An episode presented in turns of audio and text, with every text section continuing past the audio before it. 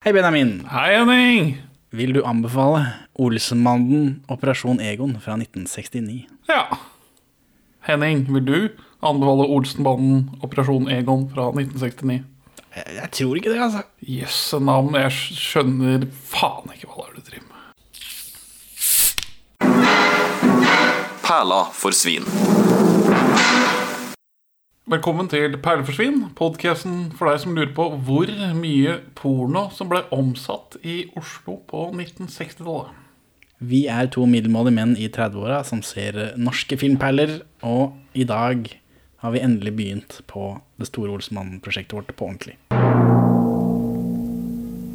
Helmaks, Egon!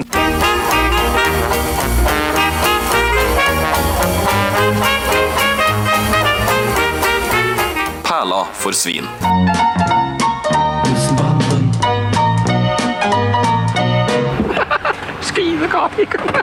Vi har snikbegynt litt med det største spillet og sus og dus på byen. Men nå er vi inne i the thick of it, nettopp på engelsk. Ja, vi, eh, vi har jo tidligere prøvd på et Olsenbanen-prosjekt som privatpersoner, ikke som allmennsopplysere. Ja, du og jeg har jo prøvd å se Olsenbanen i rekkefølge, og vi kom halvveis, tror jeg. Over et år eller tre. Sånn, Ja. de, de tilfeldige gangene vi treffer hverandre. Traff hverandre før vi starta podkast, hvor, hvor jeg tvinger deg til å treffe meg jevnlig. Ja. Men den, den var bedre den gangen her enn når vi så den sist. Nå som jeg har fått så veldig mange norske søppelfilmer fra perioden å sammenligne med. Uh, ja, for nå skal vi se de norske uh, Olsmann-filmene, og så skal vi se de danske rett etterpå, og sammenligne. For uh, hva er ditt uh, forhold til Olsmann, Benjamin? Jeg elsket det som barn. Ja, det er egentlig det samme. Jeg også var Olsmann-fan som barn. Morfar var Olsmann-fan. Han tok opp alle på kassett, altså på VHS. Og så så vi på det sammen, og fattern også, eller I gamle dager så hadde folk hadde jo ikke kanaler. Vi hadde jo ikke kanaler, det var to stykken. Tre kanskje, maks. Og TV2, husker jeg, viste Olsmannen Ja, for det er det jeg husker, jeg òg. ja, med nyhetene imellom. Fy faen. Og da kan jeg huske fra min barndom at det var en kamp å holde seg våken gjennom, eh, gjennom TV 2-nyhetene, så jeg fikk med meg resten av Olsmann-filmen. Jeg husker ikke all denne pornoen. Nei, for det er, nok, eh, det er nok bare den første, tror jeg. Men eh, For det er den danske innflytelsen på sitt sterkeste, gjetter jeg nå, i hvert fall. det er iallfall veldig, veldig danskt. Men før vi kommer så langt, vil jeg gjerne fortelle om mitt forhold til Olsmannen. Ja, jo, det er greit. Det er greit. Jeg husker fattern nevnte for meg at Olsmannen også var noe dansk. Jeg vet ikke om du var klar over det før i voksen alder. Nei, jeg tror ikke jeg fant Jeg tror det var over eh, Etter 2000 at jeg fant det ut, i hvert fall. Men min far sa også at eh, vi i Norge hadde mer dreisen på det. At det var bedre i Norge. Hvordan visste han det? Jeg kan ikke tenke meg han har sett de danske, men det er det vi skal finne ut av nå. Det er dette er hypotesen. Du, så hele dette prosjektet handler om å teste din fars hypotese? ja. Jaggu. Vi skal gå vitenskapelig frem for å For å se da om fattern hadde peiling eh, for 25 år siden, eller når dette var. Så når vi publiserer denne episoden her, så må vi ha referanseliste, og så har faren din løst utsagn. ja. Så, så vi skal komme til en slutning ja, Eller altså, vi skal jo se begge to etter hverandre eh, i ja, 14 ganger, da. Så, så jeg antar at vi kommer til en slutning eh, 14 ganger, hvem av de som er best. Og så tenker vi vi må prøve å ranke de òg, liksom, når vi, først, eh, når vi først har en filmserie på 14 filmer i Norge. Så syns jeg vi, vi skylder publikummet å, å sette de i rekkefølge. Ja, for danskene har også 14. Det er helt riktig. Hver gang danskene lager en, eh, en film, så kommer nordmennene året etter med en film. Men sånn, siden du nevnte kilder og sånt, nå, så har jeg noen kilder her. Eh, det, vanligvis så pleier jeg ikke å nevne kilder, for jeg leser bare Wikipedia, eller googler. Og det, de som hører på oss, er såpass moderne at de skjønner at eh, når jeg sier et eller annet, så, har jeg, så er det enten ting jeg finner på, som er løgn, eller googla. Trenger ikke kilder, da. Sånn er det du som er akademiker. Er Ja, ja, er, Men siden jeg for en gangs skyld har lest bøker til, til dette, så vil jeg bare nevne det. Det er eh, Olsemannen er et helmaks eh, filmeventyr av Jon Selås. Det er det eneste norske litteraturen jeg har funnet på Olsmannen. Det er en god bok, men danskene de skriver altså så mye om Olsmannen. Mens vi i Norge har jeg tror bare vi har den ene stusslige. Eh, De danske jeg har eh, prøvd meg på, er 'Olsenmannen for evig' av Jon Lindskog. 'Olsenmannen' av Pål Ove Kønel og Paul Jørgen Butz. Og 'Olsenmannen' av Christian Mungård. Kjell skaffer en glassmesterdiamant og en teiprull. Benny holder vakt. Vi er en norsk filmpodcast, Benjamin. Korrekt. Så fokuset kommer til å være på de norske Olsenmann-filmene, for det er det vi driver med. Så derfor ser vi de først, og så ser vi eh, de danske som eh, hører til eh, de norske, holdt jeg på å si. Det hadde vært for lett om de norske og de danske hadde samme rekkefølge, hadde ikke det? Jo. jo. Så vi følger Olsenmann-filmene i den norske rekkefølgen, som ikke er den danske rekkefølgen, og det er danskene som driver dette. Så den danske rekkefølgen er strengt tatt den riktige. Ja. Det er for eksempel Hver gang danskene lager en Olsenmann-film, så regner de alltid med at den skal være den siste. Så det er en av de, eh, om det er fire eller fem eller sånt, noe, hvor de eh, klarer kuppet og drar til Mallorca eller noe sånt. Og i neste film da, så er de i Mallorca, og så kommer de hjem igjen. Mens i Norge så har vi stokka litt på det, så vi, du får en film helt ut av det blå hvor de er i Mallorca, og så kommer hjem igjen. Og så er det filmen etter der igjen, tror jeg, så klarer de kuppet og drar til Mallorca. Det er, ja. Ja. Men vi kommer til å følge den norske rekkefølgen, er poenget mitt. ja. For kontinuiteten blir vel kanskje ikke helt lik. På ingen måte, men vi, vi er ute etter den autentiske norske opplevelsen. Skal vi gå litt på den økonomiske bakgrunnen for dette samarbeidet over Skagerrak? Med danskene, tenker du på? Ja. For eh, eh, fra min tid i avisarkivet så har jeg sett at samarbeidet går ut på at danskene lager filmen sin, og så betaler nordmennene en fast sum for å få et manus og bearbeide. Jeg tror det er 150 000 cirka. Ja. Og så får de låne settene før de blir revet. Ja. Det, det stemmer. Det er òg De får også låne sekvenser. Sånn som den eh, hvor de sprenger seg gjennom Nationaltheatret. Der, sånn. Den eh, orkesterdelen det er bare klippet ut av den danske. Uh, nei, vi, vi kommer til det. Han som spiller Biffen, for eksempel, han spiller jo Biffen i både de norske og de danske. Og jeg tror det er fordi de lånte en eksplosjon hvor han var i bildet. Ah. Men eh, det har jeg ikke sett på, med mine egne øyne. Jeg har lest det et halvt sted og ingen andre steder, så det eh, må vi finne ut av i løpet av dette prosjektet. Men han er jo en veldig karismatisk skurk òg. Altså, Ja, ja. Han er jo et ikon. Jo, jo, men hvorfor bare han ene, liksom? eh, av disse små rollene. Men det finner vi ut av. Og så må vi ta eh, Jeg må ta opp Olsmann jr.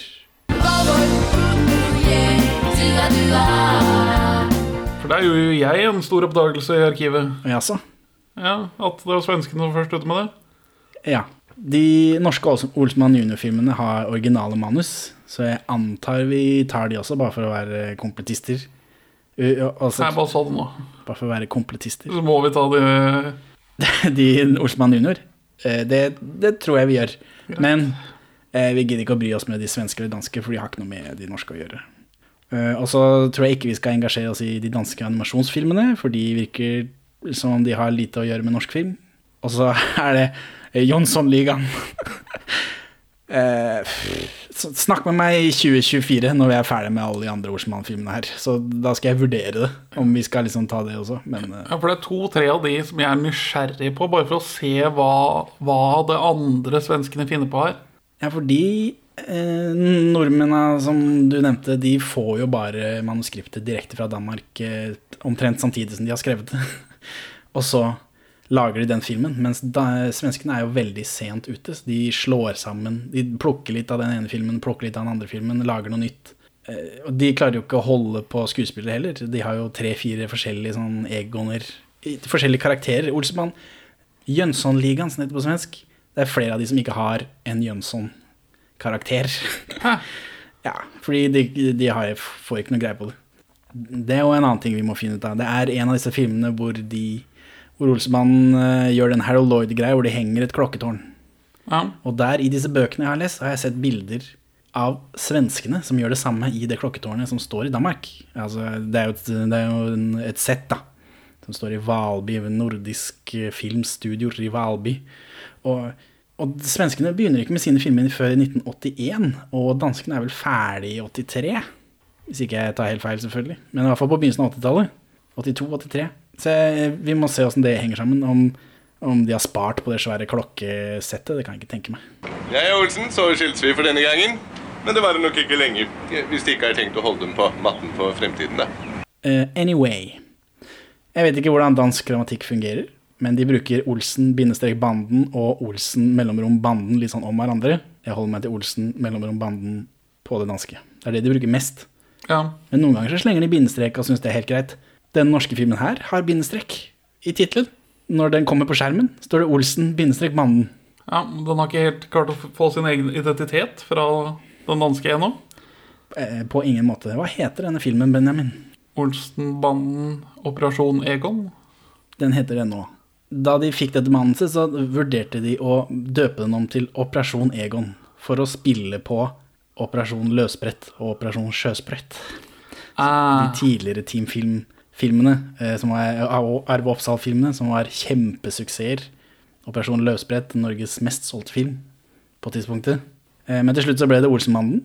Og så, når det viste seg at å ja, vi skal ha 400 000 oppfølgere, eh, så ble det Olsenmannen Operasjon eh, Egon. Fyrstikkene. Å ja, naturligvis. De må endelig ikke tro at jeg hadde tenkt å Eh, Unnskyld. Vet du hvor mange Olsmannen-filmer av arter det eksisterer? Når vi tar alle hele Skandinavia her. Jun Junior, animasjoner. 58. 51. 51 Olsmannen-filmer og to TV-serier. Altså disse julekalenderne. Sånn en hel sesong av uh, Perler for da. ja, omtrent.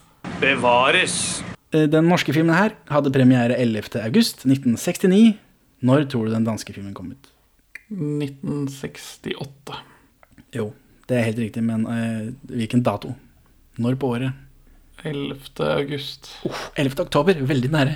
Jeg har ikke eh, funnet noe spesifikt om hvordan Team Film fant Olsmannen, den første Olsmann-filmen. Liksom. Hvordan fant de på at dette her er suksess, dette vil vi ha? Så de den på kino? De har vel ikke Jeg kan ikke se for meg at de har, at de har fått øynene opp for denne filmen før det var en suksess i Danmark. Så eh, gikk Knut Bovin og så den her på, på kino, og så kjøpte han rettighetene, søkte støtte, castet, spilte inn, klipte, lagde musikk, og fikk den på kino i løpet av ti måneder. Det, det, det Ikke umulig, det. Men den danske den gikk jo sikkert på kino i Norge, tror du ikke det? Jo, det kan hende, men det, bare, det virker så kort eh, tid. Om de liksom hadde begynt samtidig som de danskene var ferdig med manuset ditt, så kunne jeg på en måte skjønt det. Men da vet de jo ikke at det er en suksess. Så jeg kan ikke se for meg at de er interessert. Ja, For det er først i 18. februar 1969 VG at det kommer opp at det skal gjøres en norsk versjon av den danske filmen 'Olsemannen'. 18. februar. Ja. Og Det er jo kjempesent. Ja. Ta det med ro, karer. Jeg har planer. Store planer. En ting jeg har funnet ut med sikkerhet i avisarkivet, er at Knut Bovim er delvis full av dritt. For hans påstand har vel vært hatet av kritikerne, elsket av publikum. Ja, han har, De har vel også sagt at han måtte pantsette huset hver eneste gang fordi han ikke fikk støtte. Men denne filmen fikk 600 000 kroner i støtte av Statens produksjonsutvalg for film. Og den siste Olsemann-filmen fikk også støtte, men ingen av de imellom, riktignok. Men Og så er det jo noen svi, sånn svindelbasert uh, pre, eh, promotering for den. altså, Ja, det er veldig mange lokalaviser uh, som skryter av at de, de får norgespremieren på filmen. Og så er det sånn hmm, Så det er elleve forskjellige steder som får norgespremieren. det er noen luringer, da. Egon ordner alt. Hold kjeften på deg, gutt. Er Hermansens tweeddress en norsk politistereotype fra 60-tallet? Lurte jeg på. Eller er det noe de har tatt fra den danske versjonen? Er det en dansk stereotype, hvis den henger med i den danske? Hvor Altså- kommer det fra? Overinspektør eh, er vel sikkert like over Skandinavia, tror du ikke det? På første side i det danske manuset står det, fritt oversatt av meg da, dette er en farse og har ikke noe som helst med virkeligheten å gjøre. Vårt politikorps kjører derfor med amerikanske sirener og blåser i engelske fløyter. Så kanskje det har noe med det å gjøre. At det er der denne eh, tweed-greia kom fra. Hva er det som mangler i denne filmen, Benjamin, syns du? Av, eh, av ting du forbinder med ordsmannen? Benny sier ikke helmaks. Han sier bare m-m-maks. Sier han ikke helmaks én eneste gang? Nei, han sier m-m-maks. Jeg vet ikke om det er meningen han skal stamme. Men viktigere enn det, Benjamin, så mangler musikken. Ja, ja, ja, ja, ja, ja. Musikken er jo helt på trynet i denne filmen her. Hvem er, hvem er det som har musikken i denne Olsenmann-filmen, tror du? Er, er det, er, det er ikke tilfeldigvis Egil Mann Iversen. Jo, selvfølgelig er det det. I det største spillet, episoden vår, eh, så, så påstår jeg at Egil Mann Iversen lager all norsk musikk fra midten av 50-tallet til midten av 70-tallet. Det er selvfølgelig helt feil. Han lager all norsk eh, filmmusikk fra slutten av 40-tallet til midten av 90-tallet. Han holdt også på foran kamera i Smil til det skjulte kamera, forresten. Eh, Fordi han tydeligvis er en pranker i det virkelige liv. han, eh, han forteller en historie en gang hvor han eh, fra en filminnspilling har fått en sånn blokk som politiet skriver bøter med. Og så driver han og skriver bøter til, til skuespillere rundt omkring. Rolf Wesenlund tror jeg ble veldig sint når han fikk en sånn bot og ringte ned til politiet. Jo, jo han skrev bot for at han hadde, han hadde parkert for skjevt. Og da ble Wesenlund forbanna og løp inn og henta målebånd og greier. Og, og skulle måle hvor skjevt dette var, og så ringte han til politiet. og Masse greier. Så så en liten Egil Monn Iversen-spotlight her, siden dette er den eneste filmen hvor han eh, lager musikken. Av åpenbare grunner, for musikken her er ikke Olsmann-musikken. Nei, men eh, selve eh, bakgrunnsmusikken i filmen fungerer veldig godt, syns jeg. Ja, men Nå vet jeg ikke om det er han det også, eller om de har tatt det fra de danske. Det finner vi ut av. Ja, jeg finner de det veldig fort ut av. De, de, de, de hør, føltes litt for gode, sånn når jeg tenker meg om. Sånn, oi, spenningsmusikk som fungerer som spenningsmusikk. Olsenbanden. Olsenbanden. Olsenbanden. Påstanden til Hva heter han igjen, han som har lagd de greiene her? Knut Bovim. Knut Bovim. Måtte han pantsette huset? Det vet jeg ikke om han faktisk måtte gjøre det, men han fikk i hvert fall ikke støtte til annet enn den første og den siste filmen. Greit. Om det er eh, hyperbole, for det var han jo glad i. Ja. Så det vet jeg ikke. Åssen er det oppe i antasjen? Alt i orden. Du har både hus og hjem. Konjakk kryssa i almanakken hver dag i disse to åra. Så Olsmann, første Olsmann-filmen. Fy søren. In medias res. Det likte jeg veldig godt. For det første vi ser, er et folkevogn-reklameskilt. Ja, det noterte jeg meg også. Men jeg vet ikke om jeg tror ikke jeg får betalt for det. Jeg tror det bare er fordi gata er sånn. Det dukker jo opp masse folkevogner etter hvert. Ja, det gjør det. Eh, Det er en mørk gate med et Folkvogn-skilt, reklameskilt. Og så kommer det en voiceover av Egon. Og han forteller hvordan dette brekket skal gjøres. Mens vi ser at det går til helvete når de gjør det. Ja, Han sier hva planen er, vi ser gjennomføringen. Ja. Morsom kontrast. ja. Eh, Men først så gjemmer de seg i skyggen, så første gang vi ser de, så har de eh, finlandshette på. Ja, det, det, Men det var ikke mer enn et halvt minutt, knapt. ja og Orderud-sokker har du på seg. ja, ja. Eh, ja. Men eh, så kommer det en dame som skriker, og så føler de seg tatt, da vel. Og så løper de tilbake, og så kommer de ut igjen i, i Olsmann-klærne, som vi kjenner. Jeg har ikke tenkt over at Olsmann er fargekoda før, men det er de. Jeg tenker over Bennys eh, blå Nei, Bennys gule sokker. For det er en greie, en ordsmann-greie. Ja, de, er- de legger man merke til. Ja, men Egon har blå sokker og eh, gul eh, Altså, eh, Benny har gul skjorte, mens Egon har rød, eller sånn lyse, lysere, rosa type. Og Kjell har blå skjorte. Og han har, tror han har hvite joggesko, jeg. Kjell Bass. Men de, spesielt de skjortene gjorde at de var veldig sånn fargekoda. Fordi de, de knallblå sokkene til Egon, de ser du jo egentlig ikke, ikke. For han har ikke høyvannsbukser, i motsetning til Benny. Så, men det har jeg ikke lagt merke til før. Nei, men Og jeg har lest i de danske at det, det er gjort med vilje. For hun som har lagd disse kostymene, hun lever ennå, så hun er med i absolutt alle av disse bøkene. Eh, Men jeg hadde ikke tenkt over det før. Du kjenner igjen disse gule sokkene til Benny. Men, eh, men de andre også er faktisk eh, fargekoda. Så får vi se da om det holder seg. Disse blå sokkene til Egon kan jeg ikke huske å ha sett noensinne. jeg mistenker at det ikke vedvarer, siden det bare er Bennys sokker som har blitt ikoniske. Ja, men er det bare han som syns absolutt det hele tiden, så det er mulig han med det gjøre. Men er, er det fargekoda til personlighetene deres? Altså Egon sint, smart, Benny øh, øh, øh, Han, Benny, Benny er 90% klovn, også den hatten er 10 eh, eh, skurk, eh, er han beskrevet som i de danske. Så antrekket hans er 90 klovn. Alt fra hatten og ned, mens Ja. hatten er skurkete. Er det blitt beskrevet i de danske. Altså, han, han er kjekkasen i gjengen. Ja, han er også yngst. Ja, veldig synlig i denne. Mm. Men det, for det, det, det slo meg når jeg så dem nå, at dette, dette De blir ikke yngre enn dette. Nei, for Egon er ganske gammel. Altså, Arve Oppsal er ganske gammel her. Han, har, han er grå i håret. Ja, Og Kjell ser eh, gammel ut av sin fedme. Jeg vet ikke hvor gammel han faktisk er. Nei, det har jeg ikke tatt meg bryet med å notere hvor gamle de faktisk er, men de blir ikke En av disse Olsemann-filmene heter Olsemann Olsenmann junior Altså en av de Olsmann junior-filmene heter Olsmann junior på Rockeren, og da tror jeg de er inne på 50-60-tallet. eh, Og er liksom 12-13, da. Mens, eh, så det mangler vel 20 år i kronologien. Ja, Men det tar vi når vi kommer til det i slutten av 2023. Ja, det er vel og bra det der med Egon og gamle venner og alt det der. Men du vet, jeg kan ikke tåle at du er der nede. Så men da er vi iallfall introdusert til karakterene. ja, men, Sett de for første gang. ja, men så, ja, for Den norske Kjell han er en stusslig tøffel.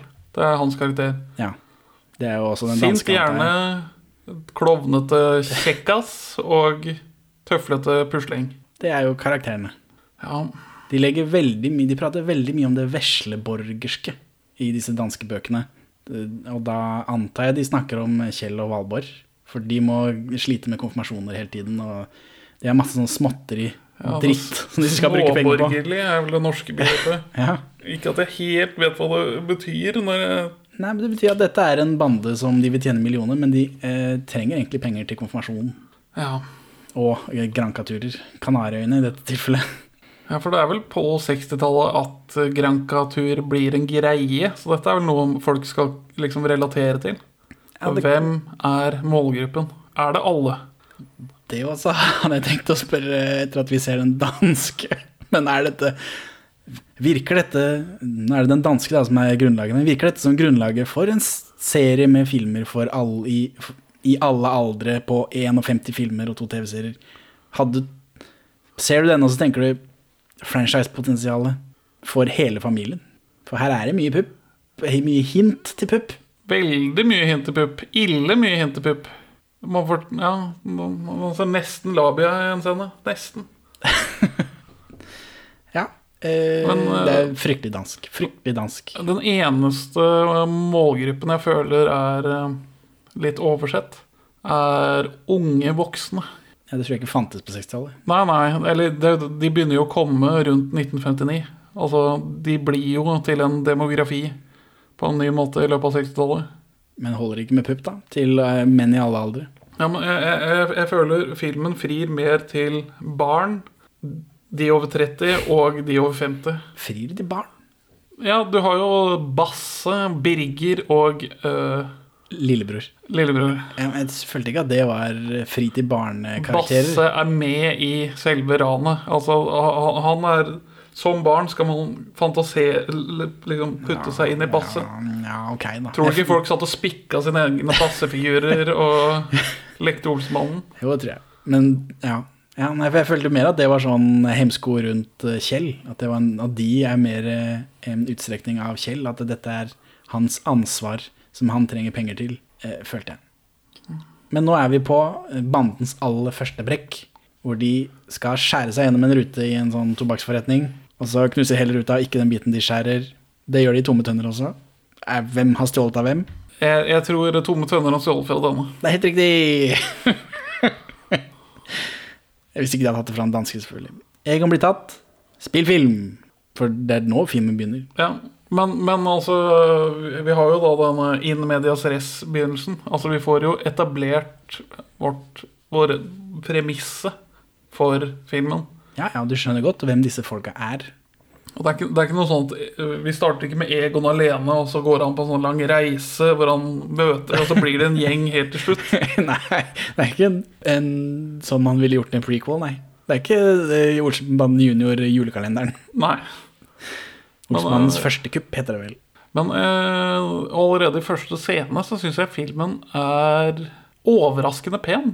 Har de stjålet det fra Danmark? Det er, det er altså bare sånn ja, Nå har vi Vi bare kopierer alle skuddene deres bilde for bilde. Det kan jeg ikke se for meg. Hvem er det som har foto på denne? da?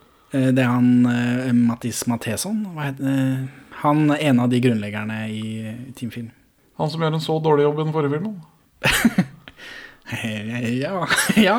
Kanskje Ja, for- fordi han ikke har en dansk film å følge.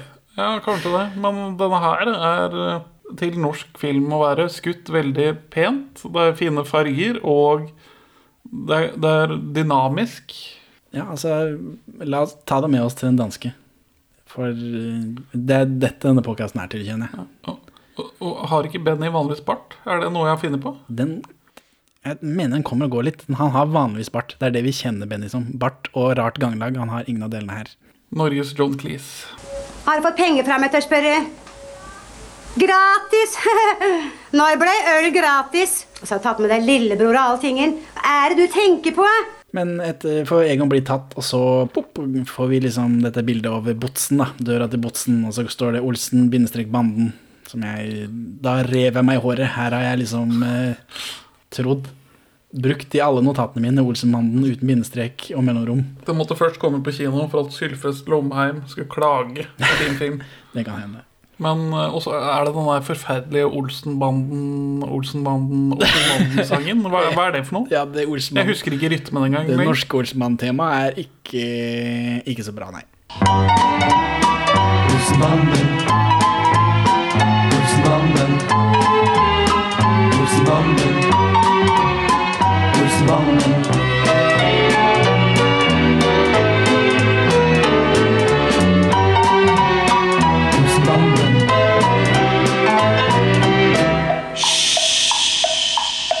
Jeg skjønner at de bare gikk over til, å, eh, til det danske. Men så er det, det er liksom Botsen-walk, da. Den hvor, han, Egon går ut av Botsen. Og, og det er Dette er jo det vi ser hele tiden. De er ganske tidlig ute med å etablere De har funnet veldig fort frem til ting som fungerer hele tiden. Det er jo det er den eh, hoppinga og barten. Det er liksom de to tinga vi har. Ellers er alt sammen på stell. Og disse ungene da som blir borte. Ja, og de faller fra. Ja, men, her, men ellers er alt sammen på stell. Liksom. De, han kommer ut av botsen, Kjell og Ben og Basse og en baby står og, og vinker med flagg. Eh, Alt dette. De er liksom Dette er Olsmannen. Helt fra start så har det liksom vært klassisk Olsmannen. Det er overraskende. Det tar tre filmer før Jason får uh, hockeymaske i fredag den 13. Ja, ja På en måte. Det tar litt, ofte sånne lange serier tar litt tid å finne formen, men ikke her. ja, her er det Det er en Olsenmann-film. Den første er en Olsenmann-film. Altså Vet du hva veien ut fra botsen der heter? eh, Egon Olsens allé. Det er helt riktig. Eh, ikke da, da, men Det heter det nå. nå Det det. er ikke så vanlig å oppkalle gater etter oppdiktede figurer i Oslo. Så ble jeg introdusert for Hermansen med en gang. Ja, det, det overrasket meg òg. Han Ja. føltes også som en sånn karakter som dukker opp etter hvert. Ja. At man har en sånn generell purk i starten eller noe. ja, og han kommer, han er ferdigforma som Hermansen. Det er spoiler for de danske.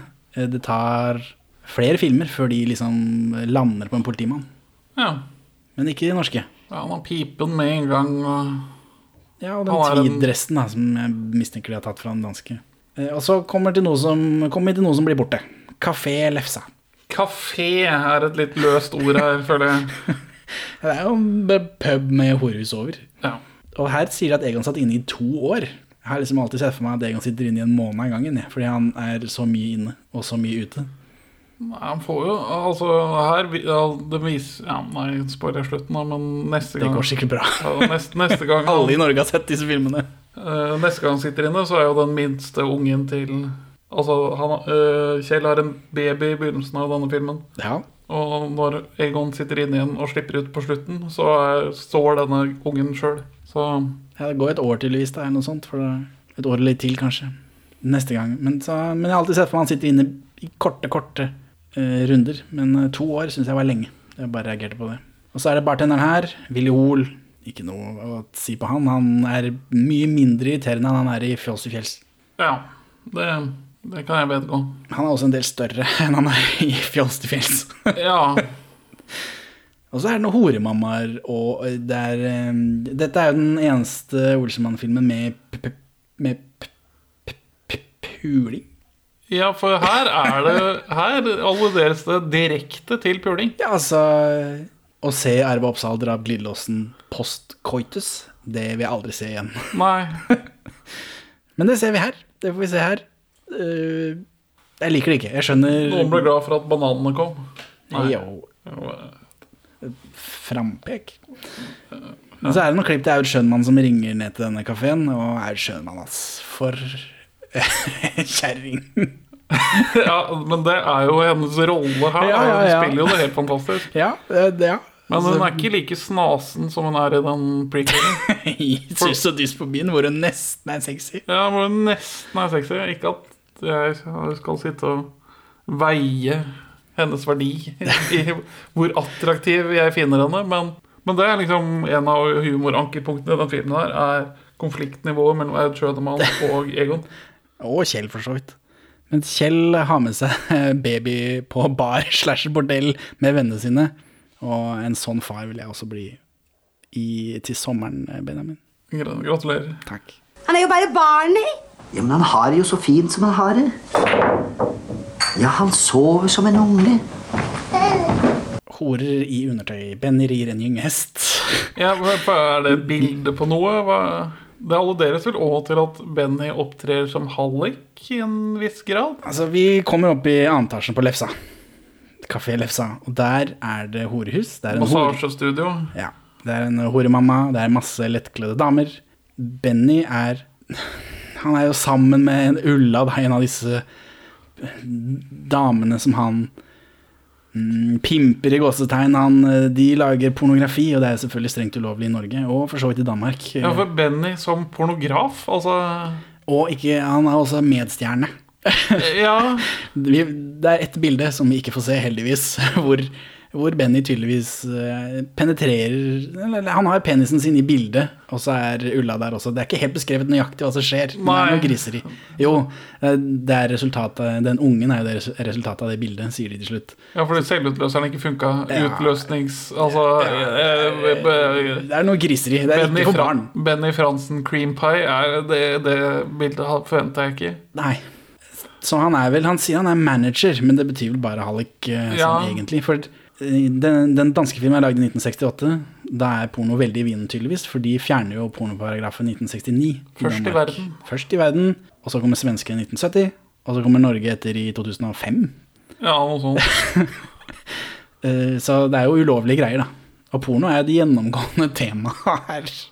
For det driver jo og omsettes porno i Norge, selv om Ja, det det ikke er lov. Ja, sånn som så mye annet. Men her også Vi kommer til det. Det er noe omsetning. Er, de går innom en, Hermansen er innom en sånn pornokiosk, bladkiosk, hvor de selger mest porno og Donald. Hvor, ja, hvor en, en mor, mor og sønn over pornobutikk. Ja. ja nei, det, det er noen danske greier som de har dratt med seg. Det er Men jeg helt sikker på.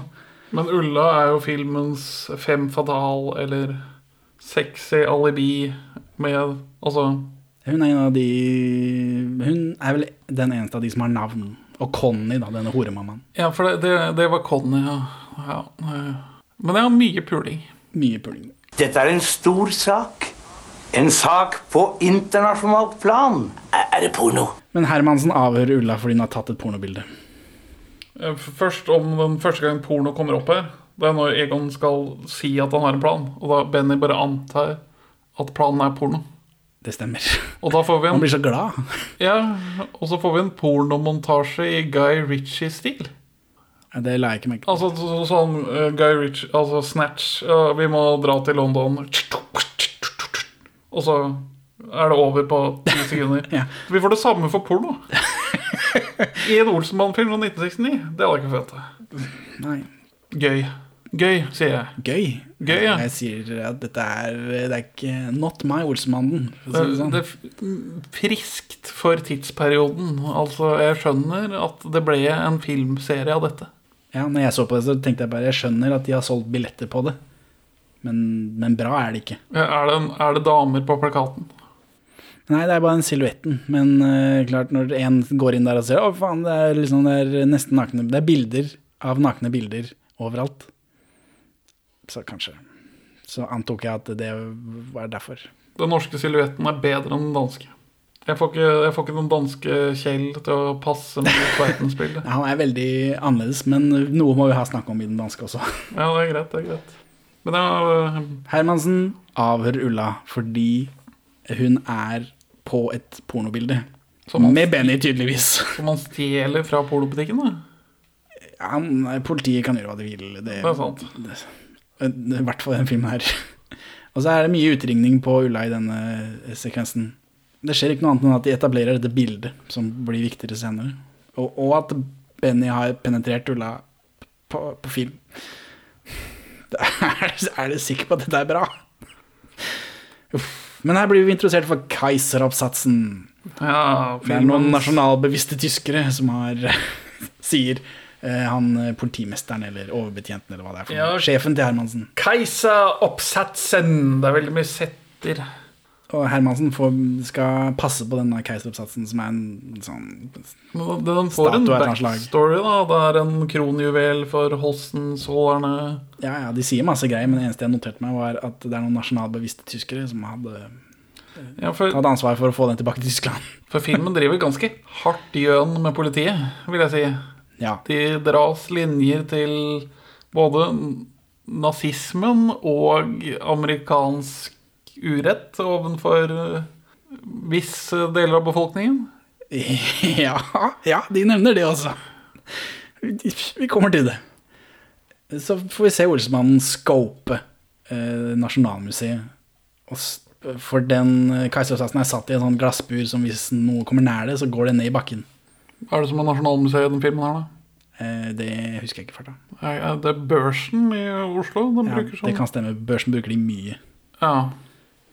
Det er vel den mest bankaktige bygningen i Norge, tror jeg. Kanskje, det kan jeg. Den oser 'her er det ting med verdi'. Hermansen dukker opp, og han Han er på Olsmannen, som, for de er kjenninger. Og han øh, liker de ikke. Han hater de. Han, etablerer at målet hans, hans mål som karakter er å få alle tre i buret. Dog han sier seg alltid fornøyd med bare å ta Egon. ja. Har vi ikke noe sånn Rico Act i Norge? Hvor Ikke ennå, tydeligvis. Jeg Nei. vet ikke når Rikon eh, kom til Norge. Rico Acten er da den bestemmelsen som brukes i USA for å ta mafiagjenger. Ja, så Hvis du er med i et kriminelt eh, samband, og én gjør noe kriminelt, så kan alle dømmes for det. Noe sånt. Men Hermansen dukker opp, og han, han hever seg over Olsmannen, sier dere skal ikke prøve dere på noe tull, for her passer jeg på. Og så legger han hånda på den Kaiser-oppsatsen, og da forsvinner den i gulvet, selvfølgelig. Kjempemorsomt. Og så er det mye uling og greier, og for den er kobla rett til politiet. Og den tyske ambassaden. og den tyske ambassaden. Den da- ambassaden. Ja, selvfølgelig. Og da, og da kommer Ja, det blir mye, mye greier, da. Men ja, filmen øh, bruker litt penger på Altså, den skaper spennende bilder. Når dette skjer, så illustreres det med at det rykker ut åtte politisykler fra Møllergaten 19. Ja, nå vet jeg ikke åssen det er med den norske, men de danske eh, Hver gang de skrev et manus, eh, og når de var ferdig med det, så ringte de alltid politiet og sa vi trenger så og så mange, og så kommer det masse politifolk på fritida i eget utstyr. Og flere av dem er med i liksom mange av dem. Det er gjerne de samme folka. Så det, de bare ringte, og så kom politiet. Det var, men politiet var med på å la seg bli gjønet med, da. For altså Ja, altså de filmene er jo kjempepopulære. det, Ja, det er ramsalt kritikk av politiet. Altså Men det er nok fordi politiet vet at det er sånn. Ja. Sjefer, da. Altså politisjefer er sånn. Jeg tror alle som har jobbet i et kontorlandskap, kjenner disse folka. Alle som har jobbet i en struktur, egentlig, kjenner disse Ja, I sjefene. hvert fall sjefen til Hermansen. Han er en fantastisk sånn toppsjef som ikke har bakkekontakt. Men så kommer det en, en, et, en kjent scene. Nå er vi hjemme hos Kjell. Og vi får forklart at etter dette kuppet så blir de millionærer, sier Benny da. Nei, sier Egon selvfølgelig. Og så er det pils i kjøkkenglass. Uh, man kommer. Er det farlig, det? Ja, da får ikke Kjell være med. Alt dette greiene. Det, de har Olsmannen liksom fra første film. Det er, eh, det er pussig. Og bra for dem, selvfølgelig. Ja, men altså, de prøvde jo og feilet i den forrige.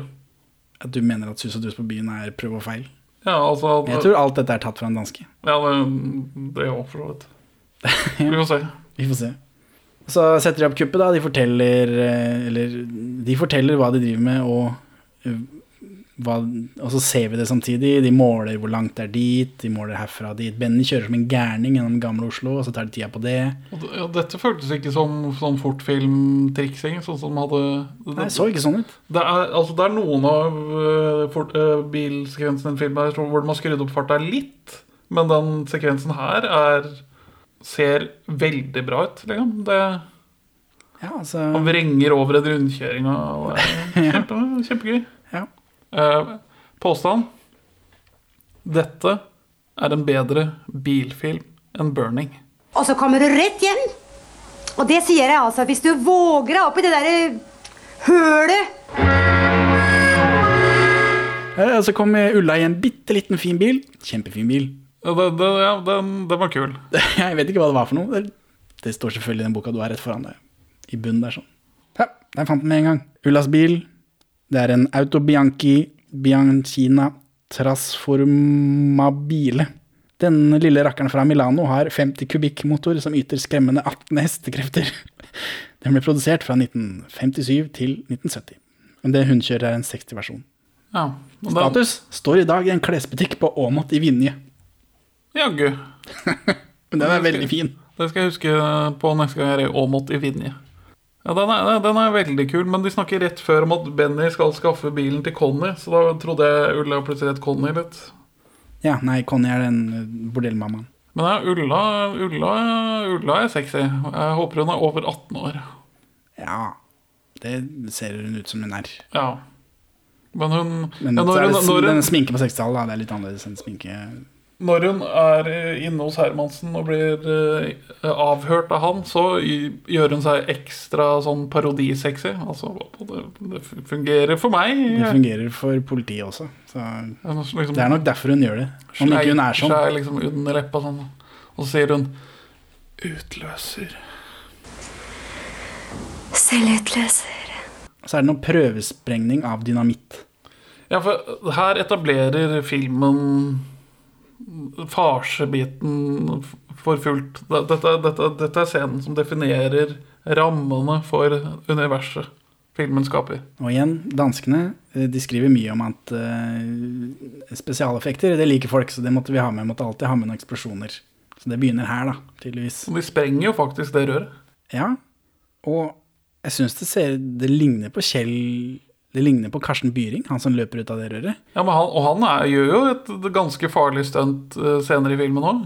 Eh, Karsten Byring løper ut av det røret, og så er det et ganske åpenbart klipp, og så sprenger de det røret til helvete. Og den sprenge til helvete-biten Jeg hadde liksom antatt at, bare, at eh, Knut Bovim bare tok alt som var litt dyrt å gjøre, fra Danmark.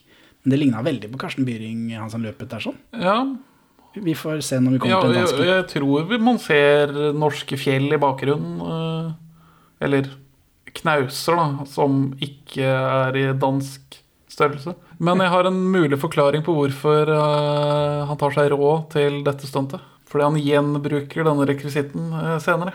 Dette, det er det samme, samme rørene som brukes for å illustrere kloakken under dette museet de raner.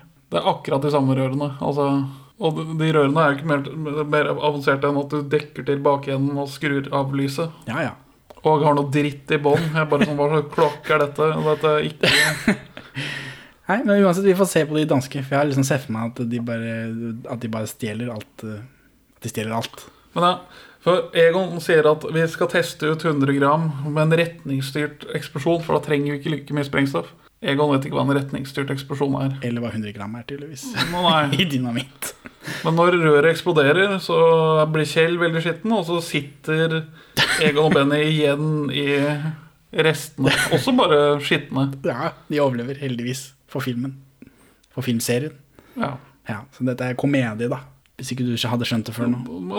Det, er gøy. Og så ja, da bruker vi fem gram isteden. Gutter, meeting, Hva for noe? da? møte. Egon har en sånn verbal tikk hvor han sier engelske ord og uttrykk, og så er det ingen som forstår det. Så gjentar han det på norsk.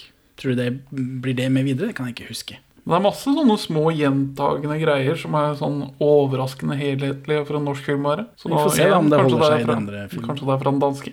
Ja, Det er det nok mest sannsynlig, men det spørs om det, om det holder seg videre. Det tror jeg ikke. For danskene er litt rammere enn oss på å bruke engelsk i dagligtale. De ligger litt mer foran. De har et veldig stygt eh, språk. Det er sant. Morsmål. Så det er nok derfor. Jeg skulle gjerne Cameloso.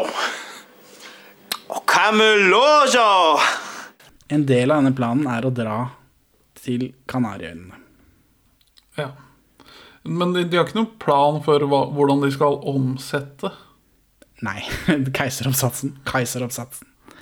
Nei, det har de ikke, men det skal vi bare ikke tenke på. Det blir borte. Altså, de er småkiltringer. Selvfølgelig kjenner Egon kjenner en fyr som han sitter inne med. Garantert. Du skjønner at Ulla, forloveden min, hun har fått tilbud om kontrakt i utlandet og øh, Nei, nei, nei! Nei. Nei, nei. Det koster 4389 kroner for åtte personer til Las Palmas. Charter til Las Palmas. Det høres ut som det er dyrt, for det er ikke penger de har. Birger er vel den svakest etablerte karakteren i den filmen her. Ja, og lillebror, da. Ja, altså Lillebror er ikke et menneske ennå, så han kan holde kjeft. Men Birger er, er, skal jo være litt sånn veslevoksen Han er Basse i de senere filmene, på en måte. Men Basse er kanskje litt mer med. Han er jo en del med i gjengen, mens Birger står litt sånn Han er litt sånn motstander. Ja, han, han, er, han er ordentlig. For, for Som nevnt, så Kjell har tre barn. da Birger, Basse og lillegutt, som er en baby. Basse er bare med hele tida. Han sier nesten ingenting. Han blir ikke introdusert ordentlig. Du får ikke noe følelse av eh, hvilken karakter han egentlig er. Han, han er et verktøy. Og så er det Birger, da. Som de raner for å få disse pengene til den Gran Canaria-turen. Så kommer det frem til at han er myndig, så det At han ikke er myndig. Ja, det kommer frem til at han ikke er myndig, så det Så de kan bare ta de pengene. Det har ikke noe å si. Han har De ikke voksne råderett over skal dem. skytte allikevel. de for barnets beste. Ja, og her er- skjønner man kul Valborg. Hun er sinna. Fordi Olsmann blir da tatt av Birger, for han har noe vekkerklokka og greier i den bankboka som gjør at det går en alarm. da Og da kommer Valborg inn og sier 'Oi, svarte helvete, driver du og stjeler deg og sønnen din', liksom. Ja, men det er til Gran Canaria. Og da, er liksom, da snur hun med en gang. Kommer vi på sydentur. Morsomt. Men før vi kommer så langt, så vil eh, for å få de penga, så vil Benny pimpe ut dama si. Ja, for hun har en avtale om å produsere porno i utlandet for en forskudd på 5000 kroner. Ja, hvis hun da signerer seg til en eller annen fyr. Eh, og det ville de ikke gjøre, fordi Benny mener at han kan være manager. Han, Istedenfor han, som vil signere, han som vil signere henne for 5000 kroner. Eh, men nå trenger de plutselig pengene, så da sier Benny at kan ikke du gjøre det likevel. Men så har hun gjort det allerede og kjøpt seg pels for de pengene, og det, så det blir ikke noe av. Men vi får sideboob istedenfor. Ja, og nok puling en gang til. Nå, Mest sannsynlig, ja, men vi, det, vi får jo ikke se det, heldigvis. nei, denne gangen så trekker han ikke opp smekken for å virkelig bekrefte det. Nei, men det er noe sånn Han må rette litt på skjorta når han kommer til trava likevel. Men de får de pengene av Birger. Men så er kuppet i gang. Og det føltes veldig tidlig ut, men det er jo fordi det kommer en lang sånn eh, jaktsekvens etterpå. Ja, det, det virker ikke som om de helt har fått til eh, spenningskurven sånn 100% Nei. De var bare sånn, Vi må ha inn flere forviklinger. Det er tross alt en norsk film. Ja, for senere så er det vel kuppet som er mesteparten av filmen, føler jeg. Uten at nå har jo ikke jeg sett disse på mange år, siden vi prøvde å se dem, og det er jo brått eh, tre, fire, fem år siden det òg. Det er iallfall kjempelenge siden sist, og det føles som mesteparten av Olsmann-filmen er kupp. Men denne her kommer kuppet veldig tidlig. Mens, eh, men de får det til. De krabber inn i dette røret, de sprenger seg inn under den keiseroppsatsen. De, de, de må skjære et skilt løs, sånn at de kan gå forbi. Ja, det tror jeg var det humorgrepet som Det traff vel ikke meg helt, men det traff vel noen. Ja, De sprenger seg gjennom eh, til dette rommet hvor den keiseroppsatsen går ned i gulvet, da. Og så får Basse får erta på en eller annen unge til å ta på det. ja. Han bestikker, bestikker vel han med godteri eller tyggis eller noe. annet. Ja, men i denne sekvensen så var det veldig tydelig at ikke de hadde teknologien til å sende denne keiseroppsatsen ned i gulvet. Nå så ikke jeg så nøye på den første gangen de gjør det, men jeg tror de viser at den går ned i gulvet. Ja, jeg, jeg syns det var rart at de ikke gjorde det den andre gangen. Jeg vet ikke, De hadde kanskje bare en mulighet til å gjøre det én gang. Men det er også noe morsom satire på norsk-tyske forhold på denne tyske kunstutstillingen som av en eller annen grunn er i Oslo. Ja, fordi tyskerne vil vise seg frem i Oslo. Det er mye sånn tyrollerdresser og gjøker og sånn. Ja, veldig. Ja, og så er det sånn tysk sånn ompa-ompa-orkester som holder konsert. Altså, det er en bitterhet overfor uh, det tyske, den tyske republikken fortsatt. Og, og, og han tyskeren som holder tale, han snakker om det tusenårige vennskapsbånd mellom våre to land. Han er bare sånn hmm. Ja, ja, men det er humor, da. Og i ønsket om styrkelse av de tusenårige vennskapsbånd som knytter våre to land sammen, og som ikke minst har gitt seg utslag på det kulturelle området, er det med en glede og ære å erklære denne utstillingen for åpnet. Ja, Benny mister jo noe ut av lomma når han Ja, vi, Igjen får vi heldigvis ikke se det, men vi skjønner at det er dette nakenbildet som han går rundt med, da. Men nå har de jo den eh, keiseroppsatsen. Kuppet er fullført. De har fått til, hurra. Så det eneste de skal gjøre nå, er å kjøre så fort de kan til eh, Fornebu, og så fly derfra til Gran Canaria og leve livets glade der, antar jeg. Men uh, Benny fylte jo for en femmer i forgårs, og det går ikke så bra. Nei, og bilen stopper da. Ja, Femmer i forrige års. Det òg er De etablerer det fra første film. Men, men stopper de ved Fornebu, eller stopper de ved en annen småflyplass? Det ser ut som de står ved en flyplass, jeg vet ikke. ja, det veldig. Hvorfor ikke bare løpe den siste delen av veien istedenfor å begynne å dytte på bilen? Og... Ja, og krangle med politiet og liksom. Ja, ja. Men digresjon for bensin, politiet kommer, bilen blir avskilta og taua med oppsatsen i bagasjerommet, eller bak setet der. Så da er de plutselig Da har de dritt seg ut igjen, da. Typisk Olsmannen. Men imens så driver han sjefen til Hermansen, politimesteren. Eh, han mener vel at dette er en internasjonal bande. Ja, for dette er, dette er en så, så avansert forbrytelse at det umulig kan ha vært noen norske som har gjort det. Så han stenger alle grensene, så de hadde vel ikke kommet av gårde likevel, kanskje. Og, og han ber om å bli holdt oppdatert dag og natt, og så blir det et hardt klipp til midt på natta når Hermansen kommer da for å oppdatere han mens han sover. Dette, dette er jo satire. Ja, og Hermansen er på rett spor, men får kontinuerlig kritikk av sjefen sin fordi at han driver og skal bare holde på med dette villsporet. Det er med dumme ordsmannen. Ja ja, du får ta disse småskurkene, da, fordi de kan like godt ta dem, for det er det vi liker å gjøre. Men det er ikke de som har gjort det. Det er liksom inntrykket jeg får av han eh, politisjefen. Ja, han, han, han, tyskeren kaller han ene politisjefen for Polizei Iber-Reichskommissar. Ja, det er, det Det er da det er humor, da. Reichskommissar var da tittelen til Terboven når han hadde et, en liten visitt på Skaugum. Så ja, det, det, det er noe spark i retning eh, Tyskland her som jeg ikke fikk med meg som barn. Nei. Porno og satire i retning av politihierarki og eh, Tysklands forhold til Norge etter krigen. Det, det, det, det er litt, litt høyere nivå på noe av humoren enn jeg hadde forventa. Er det farlig? Uh, farlig? Ja, men Hvis det er farlig, så får ikke Kjell være med, altså. Uh, Hermansen har en greie hvor han går inn i feil dør hele tida. Ja, det skjer i hvert fall tre ganger. Vi får se om det holder seg. De, de andre filmene. Ja, hva er det rotehue. Er vel Og så eh, får vi den silhuetten på havna, som jo er et uh, Olsenmann-kjennetegn. Enda et Olsenmann-kjennetegn som er på plass fra første film. Eh, de er lei seg, da, fordi den keiseroppsatsen nå er borte. Eller ute av deres hender. De hadde den. De var så nære, men så ble det ikke noe av.